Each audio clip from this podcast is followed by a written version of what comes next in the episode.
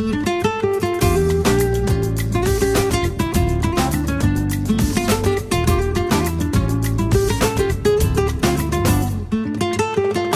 una setmana que per eh, les persones que estimen la literatura, pels editors, en definitiva, per tots aquells que tenen en els llibres la seva passió, la mort de Jaume Vallcorba ha estat especialment eh, sentida. A l'altre costat del fil telefònic saludem la Rosana Lluc. Rosana, bon dia i bona hora. Hola, molt bon dia. Algun apunt sobre Jaume Vallcorba?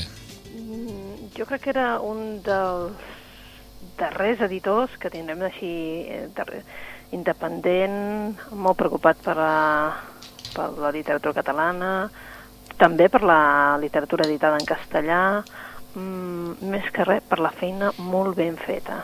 Jo em sembla que ho recordàvem un dia tu i jo, Mm. de que és eh, només fa dos anys, em sembla que era, que vaig trobar una, una fe de rates dintre d'un llibre de quaderns crema.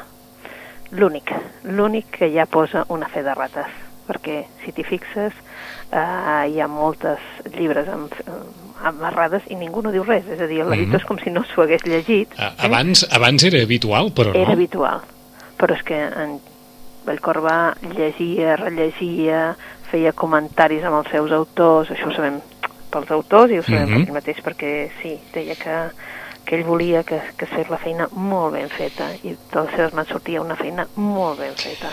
Algú comentava aquests dies que la mort de Jaume Vallcorba té un punt de metafòric i feia referència a mor un editor que tenia en el llibre físic, en el llibre objecte, mm, la seva prioritat més absoluta en un moment en què el llibre objecte està, i ho deia així, eh, qui ho comentava, està morint a poc a poc.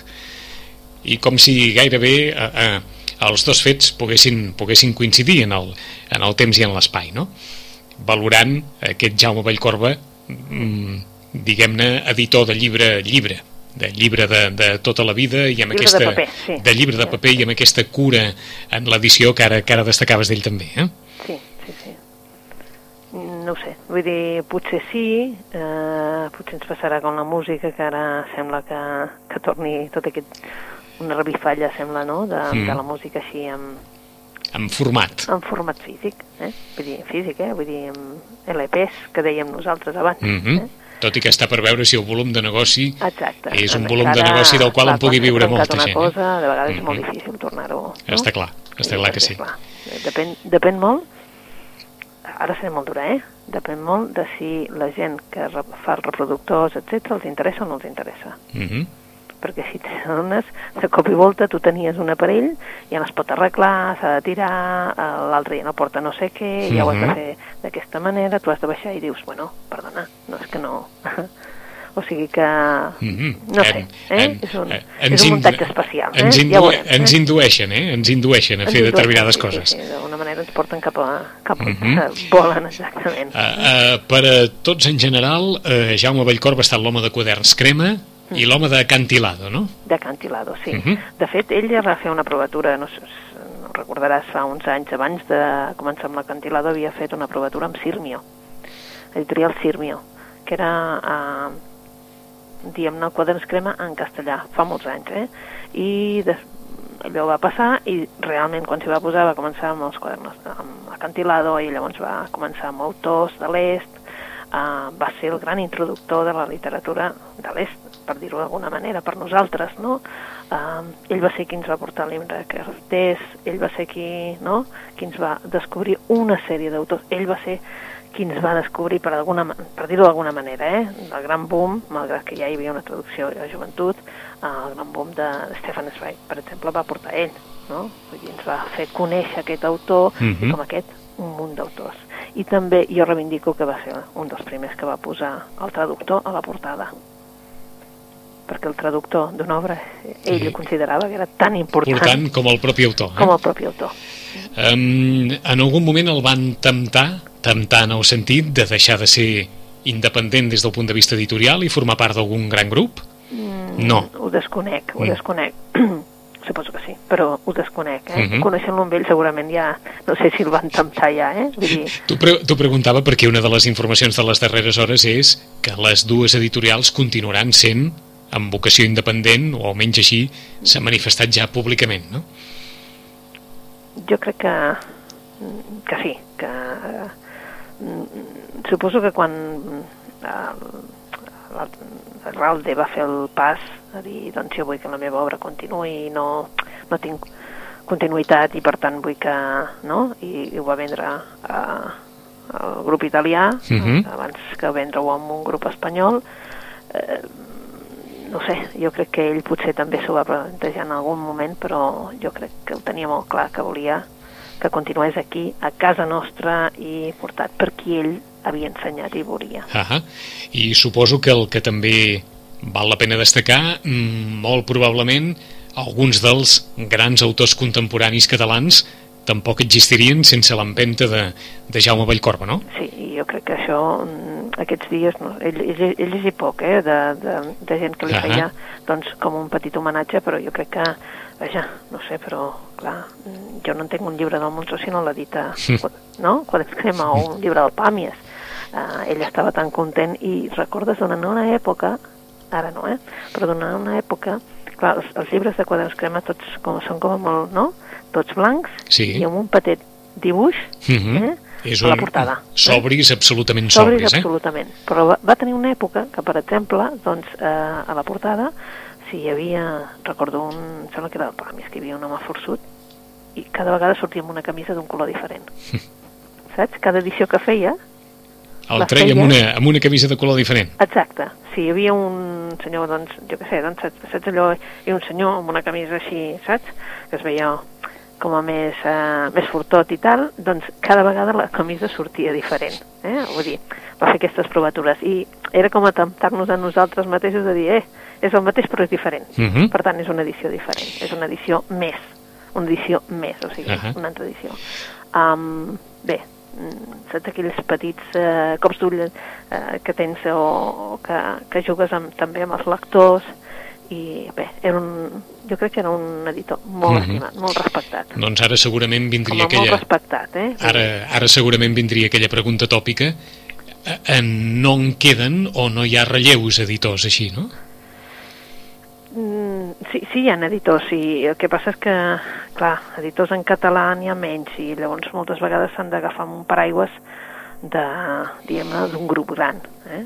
N'hi ha, perquè la veritat és que n'hi ha i, i, i, per exemple, ara hi ha un grup d'editors doncs, que, que són com a més petitets, molt més petits que quan es crema, clar, però que, que estan fent la seva feineta, no? Vull dir, Mhm. dic, per exemple, el Raig Verd, se m'ocorreix ara, no? Um, I que són que mig estan com agrupats en el sentit de dir agrupats a, a fer mm, promocions conjuntes i això sí que sí que es veu eh? Sí que de mica en mica aniran sortint però esclar és que saps, eh, els llibres del Periscopi Mhm. um, són editorials petitones però que estan fent una feina i que ja es comencen a veure a sobre la taula de dir no? Uh, un altre sentit també molt selectiu a Desiara no? jo penso que sí eh? Ah uh, um, el record doncs a Jaume Vallcorba, però aquesta setmana també ha estat la setmana no sé si és un autor molt difícil o no, perquè em sembla que no n'havíem, jo diria que no n'havíem parlat mai, però com que ahir es va escaure el centenari del naixement de Julio Cortázar, no sé si és un d'aquells autors eh, mig maleïts o de fidels absoluts, però vaja, mm, ha quedat, mm, diguem-ne, en l'olim dels mites, però no sé si des del punt de vista de la, de la seva popularitat eh, és un dels autors que, que formin part de la nostra memòria col·lectiva. No sé d'una si... generació sí D'una generació sí, d'acord. de la meva sí De la teva sí. per exemple, per la meva sí, però la veritat és que uh, pel que sigui, nosaltres, jo, jo soc de l'època que es feia cou, eh? i llavors Sí. eh, recordo, que... Exacte, que Rayuela sortia a tot arreu, eh? Exacte, per exemple, no? I no ens va tocar eh, llegir a Cortázar com a, com a llibre prescrit, si- sinó Vargas Llosa en aquell, uh Ahà. aquell curs, no? Però, és clar de retruc vam començar a conèixer tota la literatura d'aquest boom, per dir-ho d'alguna manera, no? I clar, mm, vam disfrutar Cortázar, però, clar, qui no tingui Cortázar, vull dir, és que, com a mínim, que l'agafi perquè algun dia se'l llegirà, o se l'hauria de llegir. D'acord. de dir, ostres, per disfrutar-lo. I com sempre, com sempre preguntem, si n'ha d'agafar algun, per on començar? Uf, mm, això això ja és, ja és més difícil de, de, de contestar. Això sí que és més difícil de Mm. contestar perquè no, no sabria quin... eh, És que n'hi ha alguns que són molt curtets. Si ho feu per allò de dir, escolta, doncs, qui, quin... Saps allò? Eh, bestiario, per exemple, és curtet. Saps? Vull dir, hi ha alguns que són més curts. Jo crec que Rayuela sí que és veritat que exigeix del lector, vale? perquè ja sabeu que Rayuela té diverses lectures, no? Una que, que seria la, la, la lineal, vale? que seria la lineal, tal com estan posats els capítols, i una altra que seria la que et proposa l'autor. I la proposa eh, l'autor amb, amb el pròleg i et proposa doncs, quins capítols t'has d'anar llegint. Mhm. Evidentment, saltejats completament, i tu dius, bueno, i per què no ho podia fer? No, home, perquè està jugant amb tu i per tant és millor que ho faci així. Do, Doncs t'ho preguntaré d'una altra manera. manera. Rayuela és massa bàsica per començar? No, no, massa bàsica no, no ho és, bàsica, No, al va, vull dir, m'equivocava. És excessiva per començar? Mm, si tens ganes de llegir Cortázar no és excessiu, no. Eh, eh, sobretot si te llegeixes això, no? Encara amb, amb un esperit encara d'estiu, de dir encara tinc temps, no? Sembla que a l'hivern diguis no tinc temps de res, no? Tothom quan comença la feina diu és que no tinc temps de llegir perquè no tinc temps de res. Mm, aprofiteu aquests últims dies i sí, aprofiteu i llegiu Corta, Cortázar. Si pot ser Rayuela, Rayuela, si no, Mhm. Uh, a veure, jo recordo que em va agradar també històries de cronopios i de fames, per exemple, um, el Todos los fuegos del fuego també em va agradar molt, saps allò? Bueno, aquest any la veritat és que uh, el Faguara, abans de convertir-se, abans, dic abans, eh, perquè és veritat que va ser abans, de passar a ser, uh, a formar part del, del grup Penguin Random House, eh, uh, el Faguara va fer una promoció de dir, ei, mm, fem uh, any Cortázar, i llavors va recuperar totes les obres que tenia, que en tenia Mhm. algunes que encara eren d'una col·lecció amb un tapa de color crem, etc que encara hi són a les llibreries, i després doncs, també molta cosa de butxaca, que per sort doncs, hi ha molts llibres de butxaca, per exemple, el bestiari, els, i fins i tot aquest últim que es va fer, que eren els papeles inesperados, que eren aquells eh, els papers que, que tenia el Cortázar i que la seva dona, la Sílvia, va, va recuperar i es van posar a l'abast de tots aquells que volguessin llegir Cortázar. Veus, Jo Mhm. no començaria per aquest, no, començaria realment per les obres uh, més característiques, pues això, no? Uh, les històries de cronòpies i de fames o, o mm, de Mm. tots los fuegos o ja directament em tiraria a Rayola. Mhm, D'acord. Eh? Si hi ha temps per llegir, eh? Sí, hi ha temps I si per hi ha temps per llegir, que temps per perquè, Saps que al, al proposar-te un joc com a lector i haver de, no, de Mhm. tirar i tal, uh, no sé si ho vam comentar, em sembla que sí que vam comentar que aquest any s'havia fet una edició especial de Rayuela, dels, o sigui, 100 anys d'ell i 50 d'haver publicat. Mhm. Sembla que en vam parlar per Sant Jordi. Eh que sí? Doncs aquella edició porta fins i tot el planell de, del París de la maga, i hem d'anar buscant a la maga. Mm?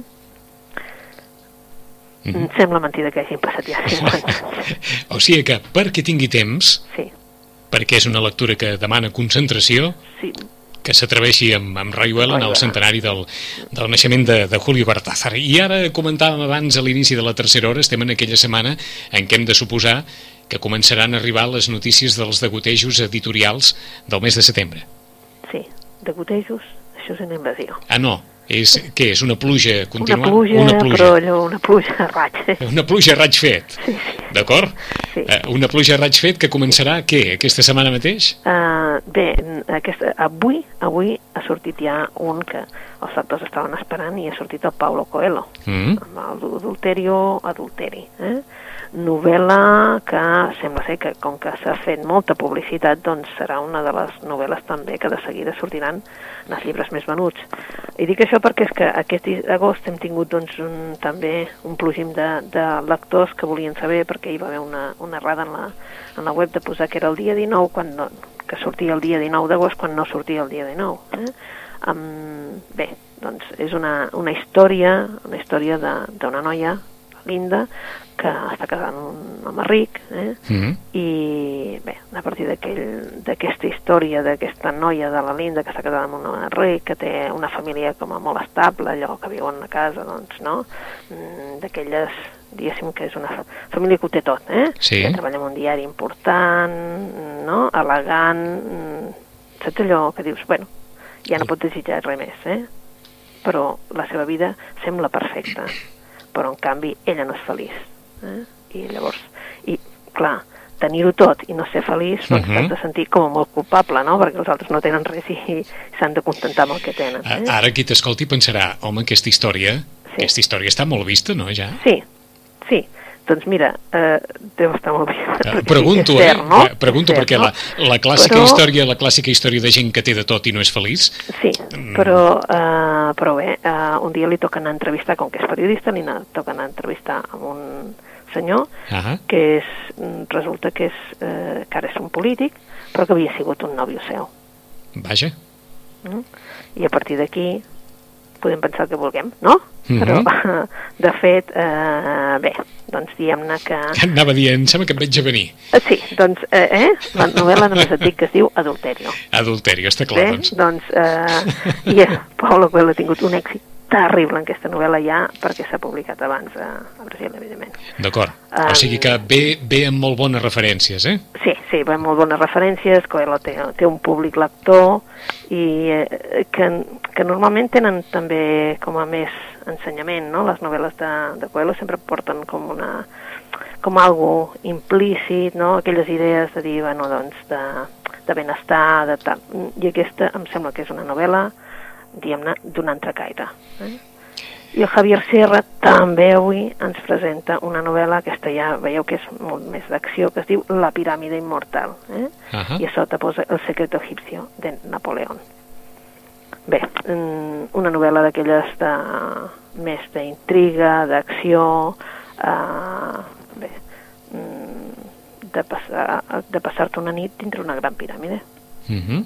Això el que el Javier Sierra també és un autor que és increïble, que quan surts i poses una mica el seu nom, resulta que aquí és conegut, però el que és en altres països és com si fos, no sé, eh, saps? un autor d'aquells que és un gran bestseller, més fins i tot que aquí. Més que aquí. És increïble.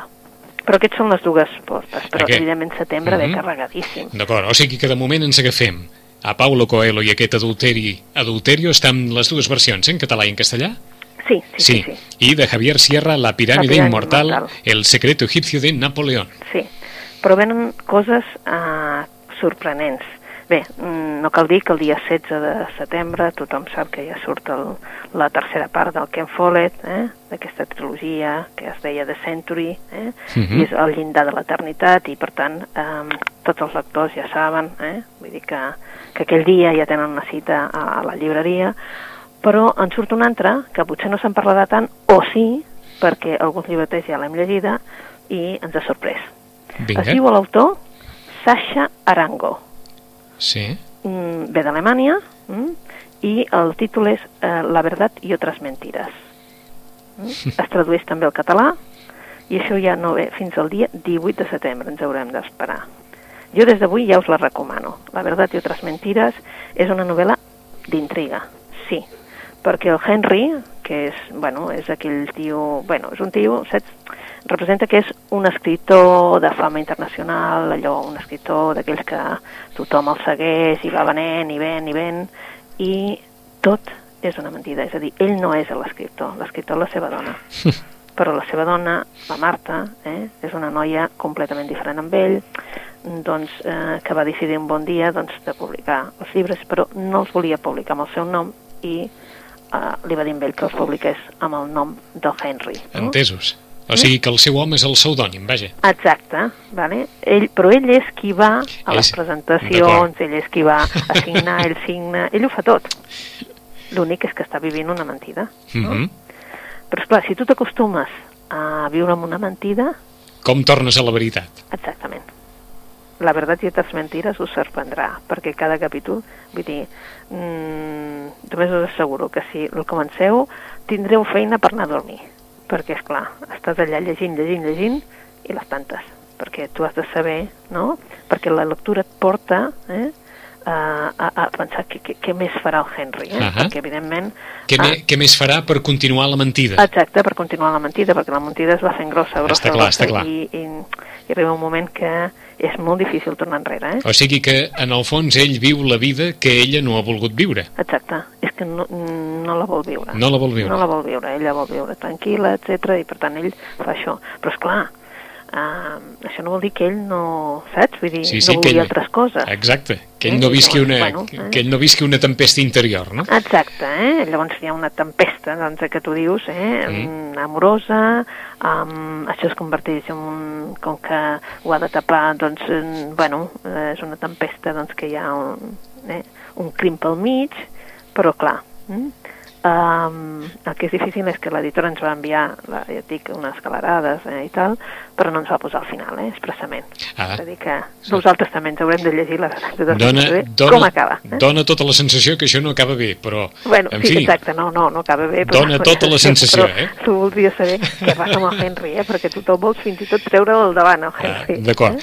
El, el títol, per descomptat, que és una metàfora boniquíssima, La verdad y otras mentiras, de Sasha Arango, en català i en castellà també en català i en sortirà? castellà, sí, vindrà en català i en castellà. D'acord. El 18 de setembre, ens deies, eh, Rosana? Sí, sí, sí. D'acord. Per tant, en la nostra, la nostra bossa ja hi ha Paulo Coelho, Javier Sierra, Sasha Arango.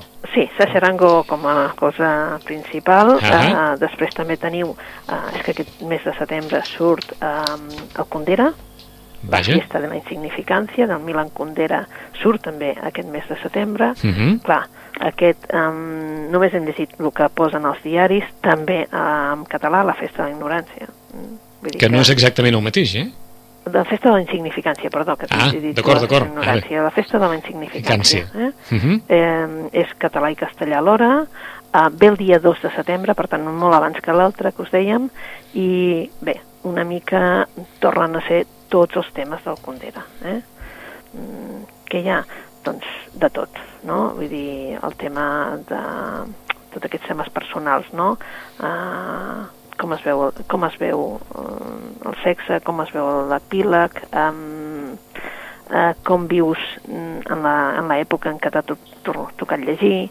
Mm, Mhm. Bé, mm, Home, deu ser, molt, deu ser molt esperat perquè llegim algunes notes en relació amb aquest llibre i ens comenten, almenys aquestes notes diuen, que Milan Kundera portava com, el, com uns 14 anys sense escriure, per tant... Sí, abans sí, d'aquesta festa de la insignificància. Eh? Sí, també va ser no? un dels autors que teníem com a, com a capitals en un moment i Mm. que doncs, ens va deixar sense llibres i vam dir, bueno, doncs ja, ja tornarà. I Doncs- bé, ara torna amb aquesta festa de la, de la insignificància. doncs aquí ho diuen literalment, rompe con 14 años de silencio literario. I com comentes fa, com comentaves fa un moment, eh, en reinciden sus obsesiones de, de siempre. Això és el que comenten les notes de- d'alguns de, dels mitjans de, de comunicació que es fan ressò d'aquesta data, el 2 de setembre, de l'edició del darrer llibre de Milan Kundera, La fiesta de la insignificància. Sí, i un altre que també mm, alguns esperàvem i que ens sorprèn ara al setembre també, el dia 9 surt el Luis Landero, El balcón en invierno. I aquesta és una història diferent del Landero. Si bé és cert que el Landero d'alguna manera mm, o sigui, no hi ha com inspirar-te en tu mateix per fer un personatge i tots els personatges d'un autor tenen alguna seu, malgrat que no són ells ni molt menys. En aquesta, el que el balcón en invierno és, és la narració d'una família de de, de, d'agricultors de, de Buquerque, Mhm. d'Extremadura, per tant, el seu poble. Eh? Uh, una adolescència en el barri de la prosperitat i també un relat de, amb molta sinceritat, amb molt humor, de com un nano que ve d'una família que ni, ni són lectors, ni molts saben llegir, ni s'han dedicat mai a la literatura, ni molts no han acabat ni el batxillerat, ni el tenen, ni etc. Ahà. com acaba un en el lloc on acaba, eh, que acaba escrivint, no? És un relat, al començament és molt, doncs, un relat de com, eh, de, de, eh, de les penúries de l'escriptor, és a dir, d'aquell pànic, eh, si allò que has escrit tu llegeixes, tu rellegeixes, tu canvies, mm, penses que és una tonteria, eh, tornes a llegir, tu te'n vas, tornes, eh, no, no, no et satisfà i penses, bueno, mm, al final ho dones per bo perquè dius és que ja no puc més, no? Doncs bé, és una narració, de, és que és un relat de la formació de, que d'ell com a, com a Et anava, escriptor. et anava a preguntar, amb un punt d'auto- d'autobiogràfic, hem de suposar, Sí, no? jo, jo l'he trobat un punt d'autobiogràfic, eh? vull dir que també he llegit només un tros i l'he trobat un punt autobiogràfic, eh? Mhm. m'han deixat un, un trosset, no? I la veritat és que l'he trobat excel·lent, però també haig de dir que jo sóc fan mm, Landero, eh? Vull dir que també és això que també ho fa, però ho agradat veus, molt aquest que ho veus amb, amb bons ulls, vaja. Amb molt bons ulls, sí. Amb molt bons Amb ulls. Molt bons ulls. De Luis Landero, això serà el 9 El de setembre. 9, el dia 9. El balcón, tenim el balcón en invierno. El balcó en invierno, sí. I si hem de dir alguna que hagi sortit ara mateix, perquè eh, recordem que també surt el Javier Marías, és a dir, és Caram, quin- quin setembre. total, la feinada serà per escollir quin vols llegir primer, perquè, és clar, és, ja et dic, és terrible, eh? Mm? Dir, I de Javier Marías què ha sortit? de, sortirà a Así empieza lo malo, però aquest ens haurem d'esperar després del nostre 11 de setembre, això serà el 23, eh? Ahà. el 23, eh? que després d'aquesta de la, de la novel·la, que recordem que l'última era Los enamoramientos, Mm. doncs ara el Javier Marías eh, ens, ens posa una novel·la que es diu Así empieza lo malo, eh? que explica la... Quins títols, eh, Rosana? És bo també aquest títol, eh? Sí, És per comprar el molt llibre, bo, eh? Así empieza lo malo. Así empieza lo malo. I de què va? Doncs la història íntima d'un matrimoni eh, narrada per un, per un jove que quan ja és madur. És a dir, eh, ja ha passat tot i per tant eh, ens expliquen la història d'aquest matrimoni. Acaba d'acabar els seus estudis i troba el seu treball, el Javier Juan de Bebre, Bebre acaba de fer, acabar els estudis i troba el seu primer treball com a secretari personal d'Eduardo Muriel, que és un, un que havia sigut director de cinema als anys 80 i el seu treball li permet ara entrar a la casa familiar i esperar doncs, i veure una mica què passa entre aquest Muriel i la seva dona, la Beatriz Noguera. Bé, és una novel·la que suposo, eh, aquesta no, no en sabem res més, vull dir, però suposo que també ens encantarà. Per això et dic que hem de fer una bossa molt gran, molt gran pel setembre, Ahà. perquè és que no ens hi cabran, eh? La, la prèvia de la novel·la, eh, com ja era previsible, insinua el, el pitjor. Hem anat a la pàgina d'Alfaguara Sí. y diu textualment, en, entre cometas, ¿eh? No hace demasiado tiempo que ocurrió aquella historia y sin embargo hoy sería imposible. Me refiero a lo que les pasó a ellos, a Eduardo Muriel y a su mujer, Beatriz Noguera, cuando eran jóvenes y no tanto a lo que me pasó a mí con ellos cuando yo era el joven y su matrimonio una larga e indisoluble desdicha. Este es el arranque de Así empieza lo malo. Doncs ja veus, eh? ¿eh? No diguis que no promet. No, queda clar, ¿eh? Queda clar, eh? Su matrimonio una larga e indisoluble desdicha. Una historia tenue de la vida íntima de las que no suelen contarse o solo en susurros. Abocada per qui, com ens comentava la Rosana, en la seva joventut fou testimoni i partícip, Juan de Vere, mentre va estar al servei d'aquest home, Exacte. aquest exitós director de cinema, que era Eduardo Muriel. Así empieza lo malo de Javier Marías el 23 de setembre apareixerà ja a totes les llibreries. Hi ha alguna recomanació més recent que ja es pugui doncs, trobar, mira, Rosana? eh, acaba de sortir, ahir va sortir, eh, ha estat en el cinema aquests, eh, amb, eh, amb els seus cocodrilos, si recordeu la Catherine Panko, eh, que va, el, els, Los ojos amarillos de los cocodrilos, la seva primera obra mm, d'aquesta trilogia va anar al cinema amb, ara fa poc, i ara ens apareix una novel·la que es diu Muchachas, eh? Uh, va aparèixer ahir, és a dir, que és una novel·la també que està plena, evidentment, de noies, que va de Nova York a París, de Borgonya a Londres, cap a Miami també, és a dir, que són molt viatgeres, són noies, noies que estimen, noies que inventen històries, i, clar, la portada diu, i els homes que no hi són? Doncs sí, els homes també hi són, i la veritat és que serà una trilogia també que eh, serà Muchachas 1, Muchachas 2 i Muchachas 3. D'acord. És a dir que... Això ja, ja està previst així, eh? Està previst així, és a dir que ara ha sortit aquesta, a l'octubre surt la segona i al novembre la tercera. Ahà. Vull dir que ja veus que ara la cosa va de trilogies i sí, novel·les en què les protagonistes són dones, dones d'uns 30, dones que, que somien, que, que tenen les seves feines i que volen moltes coses. Mm -hmm. I finalment, el que s'ha venut més aquests dies? En, la veritat és que nosaltres hem vengut, eh, aquests dies ja saps que nosaltres hem vengut bastant el que recomanàvem, eh? Sí. i nosaltres hem recomanat molt el Hilguero, de la Dona Tart, i el llibre de mi destino, de la Parinouche Sanitger, i també, la veritat és que s'ha venut molt Un estiu a l'Empordà, del Màrius Caró. Vaja. I era previsible. Que, Eh, És un, és un llibre d'estiu, eh? és un llibre d'estiu i això també era previsible que sortís eh? però ens ha sorprès per exemple el Javier Pérez de Andújar amb Catalanes Todos que ja porta una segona edició Que n'havíem parlat, de catalanes no, todos? no n'havíem parlat, no, se'ns havia passat així com, saps? És, I la veritat és que suposo que arran de coses que ens passen no? aquí a Catalunya doncs ha sortit doncs, aquest, eh, aquesta crítica, bueno, aquest llibre en el que em parla d'una família benestant, barcelonina, mm? i bé, mm, saps, una mica un grup de catalans que, que bé, que venen del franquisme, eh, de la Guerra Civil.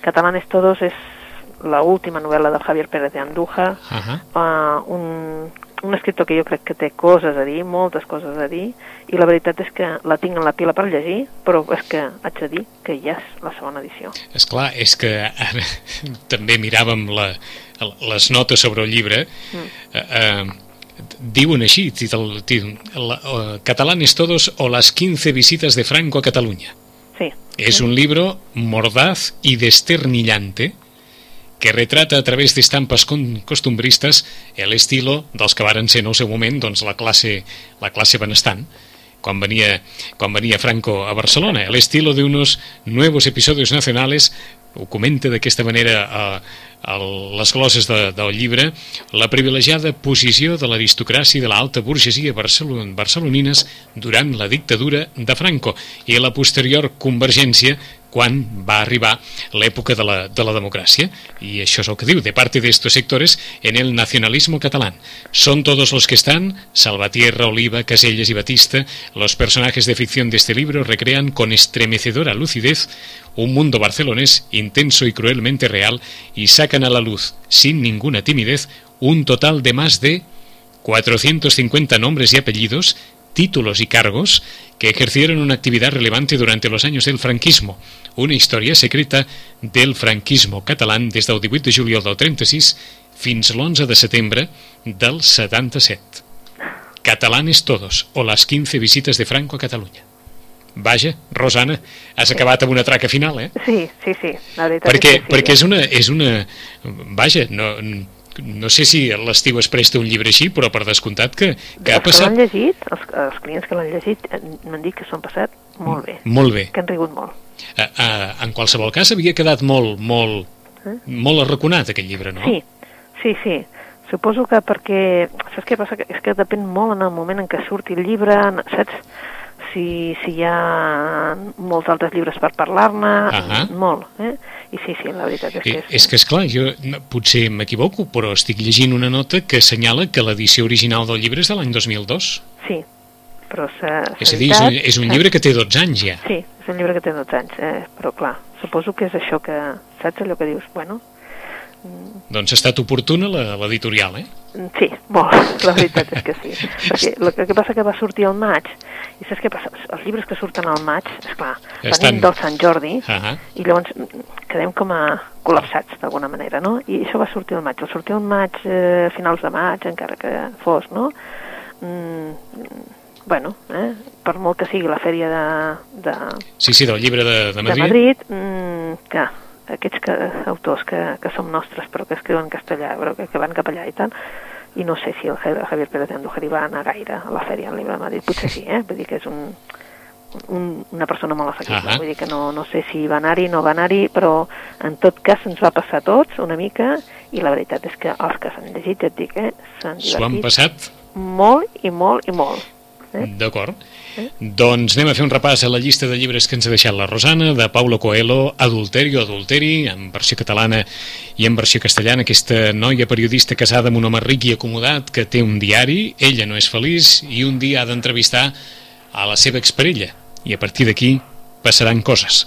Primer llibre que ens recomana la Rosana, de Javier Sierra, La piràmide immortal, El secreto egipcio de Napoleón, una història que ho diu tot ja des del mateix títol. El 16 de setembre arribarà el nou llibre de Ken Follett, la, segona, la tercera part de The Century, que és El llindar de la eternitat.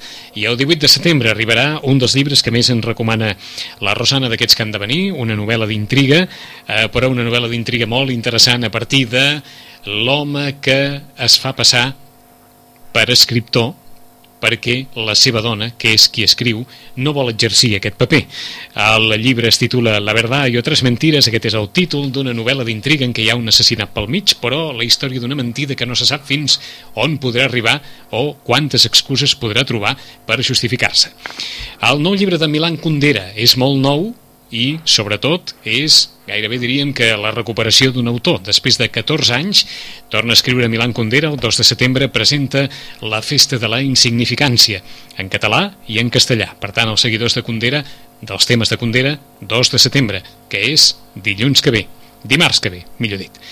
9 de setembre, Luis Landero el recomana també la Rosana, El balcón en invierno, de com un home pot acabar sent escriptor havent nascut en un entorn on precisament les lletres o la capacitat de poder estudiar i aprendre no són no han estat moneda corrent a Pulquerque, a Extremadura. De Javier Marías també arriba el 23 de setembre Así empieza lo malo, aquesta història d'un matrimoni en decadència en el qual hi apareix un noi jove que fa d'assistent de El marit de la parella. De Catherine Panko, Muchachas, és el primer llibre d'una trilogia, la resta apareixerà també al llarg d'aquesta tardor, noies viatgeres que estimen, inventen històries, i finalment de Javier Pérez Andújar Catalanes Todos, aquest llibre de l'any 2002 que ha pres una volada impressionant en aquestes darreres setmanes. En 15 dies tornem i segurament tindrem ocasió ja de parlar d'algunes d'aquestes novetats. Rosana, gràcies. Moltes gràcies a vosaltres. Fins d'aquí 15 dies. Molt bona lectura.